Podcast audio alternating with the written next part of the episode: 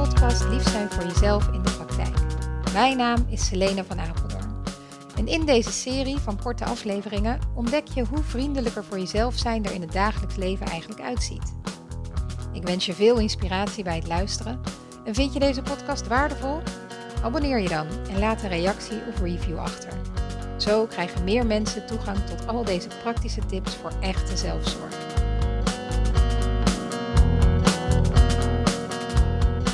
Leuk dat je luistert en voor deze eerste aflevering wil ik het met je hebben over lief zijn voor jezelf en waar dat eigenlijk over gaat. nou ja, wat ik ermee bedoel is het vermogen hebben om je eigen gevoelens en behoeften serieus te nemen en daar ook echt daadwerkelijk voor te zorgen. En dan zonder dat er een strenge innerlijke stem gelijk overheen gaat met allemaal oordelen.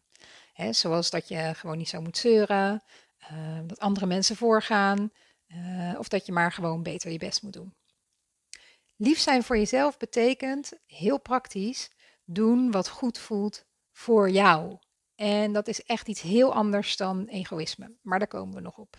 In een andere aflevering, denk ik. Want dat is weer een aflevering op zich. Lief zijn voor jezelf betekent voor mij ook binnen je eigen grenzen blijven. meer dingen doen waar je blij van wordt. Relaties onderhouden die je voeden in plaats van leegtrekken. En zo zijn er nog wel meer onderwerpen die wat mij betreft onder deze kapstok horen. En die allemaal ook wel een keer voorbij zullen komen in deze podcastserie. Maar vandaag wil ik bij het begin beginnen. En dat is waarom het eigenlijk zo lastig is om die vriendelijkheid naar jezelf toe werkelijk te voelen. Laat staan te leven.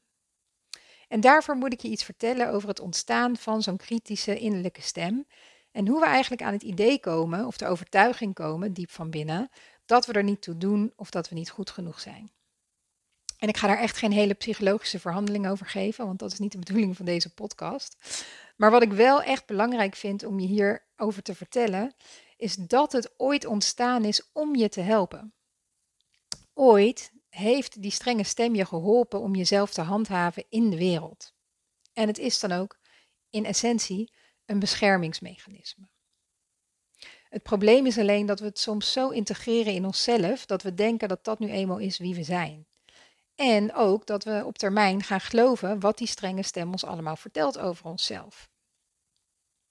Namelijk dat als er iets misgaat, dat het dan hoogstwaarschijnlijk gewoon aan jou ligt. Jij hebt dan gewoon niet genoeg je best gedaan, je kunt het niet, of iets in die richting. Nou, auw. En de meeste mensen die mijn praktijk binnenlopen, komen omdat ze van die pijn af willen van het gevoel niet goed genoeg te zijn of dat er iets mis met ze is. En dat snap ik natuurlijk heel erg goed dat je daarvan af wil. Maar een van de eerste dingen die ik dan vertel, is dat voordat je er vanaf kan komen, het nodig is om het echt te gaan begrijpen. Want wat probeert die strenge stem nou voor je te doen? En is er misschien een andere, vriendelijkere manier om datzelfde te bereiken? Nou, daar begint dan een gezamenlijke ontdekkingstocht naar wat er voor nodig is om ook echt wat liever voor jezelf te kunnen zijn. Op een diep niveau, dat veel verder gaat dan een keer een lang bad nemen of afspreken met een vriend of vriendin of zo.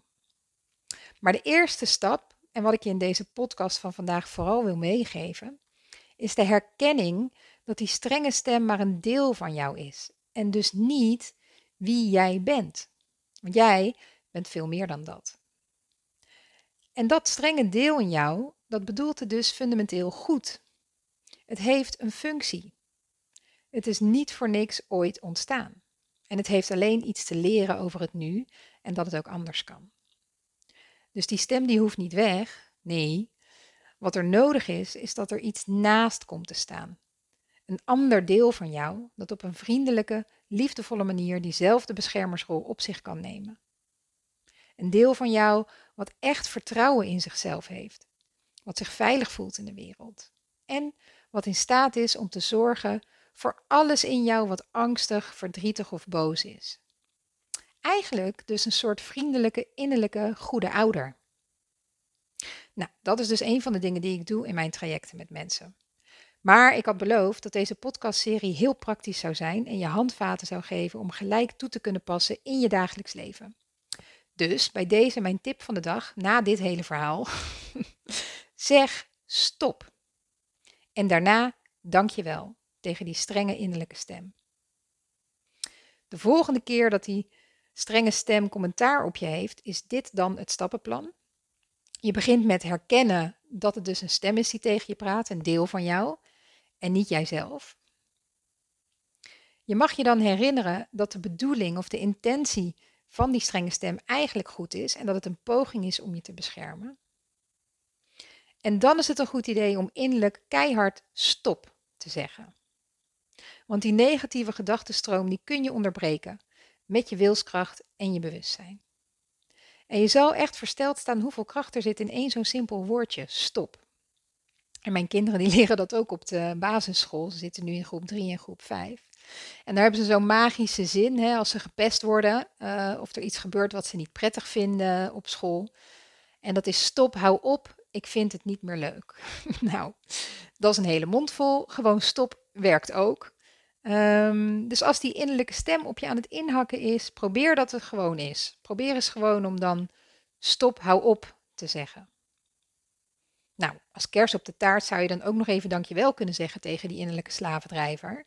Hè, ik zie je en ik weet dat je het goed bedoelt, maar het is nu niet nodig of ik ga het anders doen.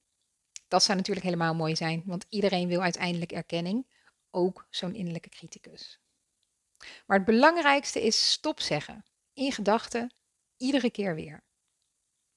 En dan is het ook wel helpend om je aandacht te richten op iets waar je in dat moment wel blij van wordt.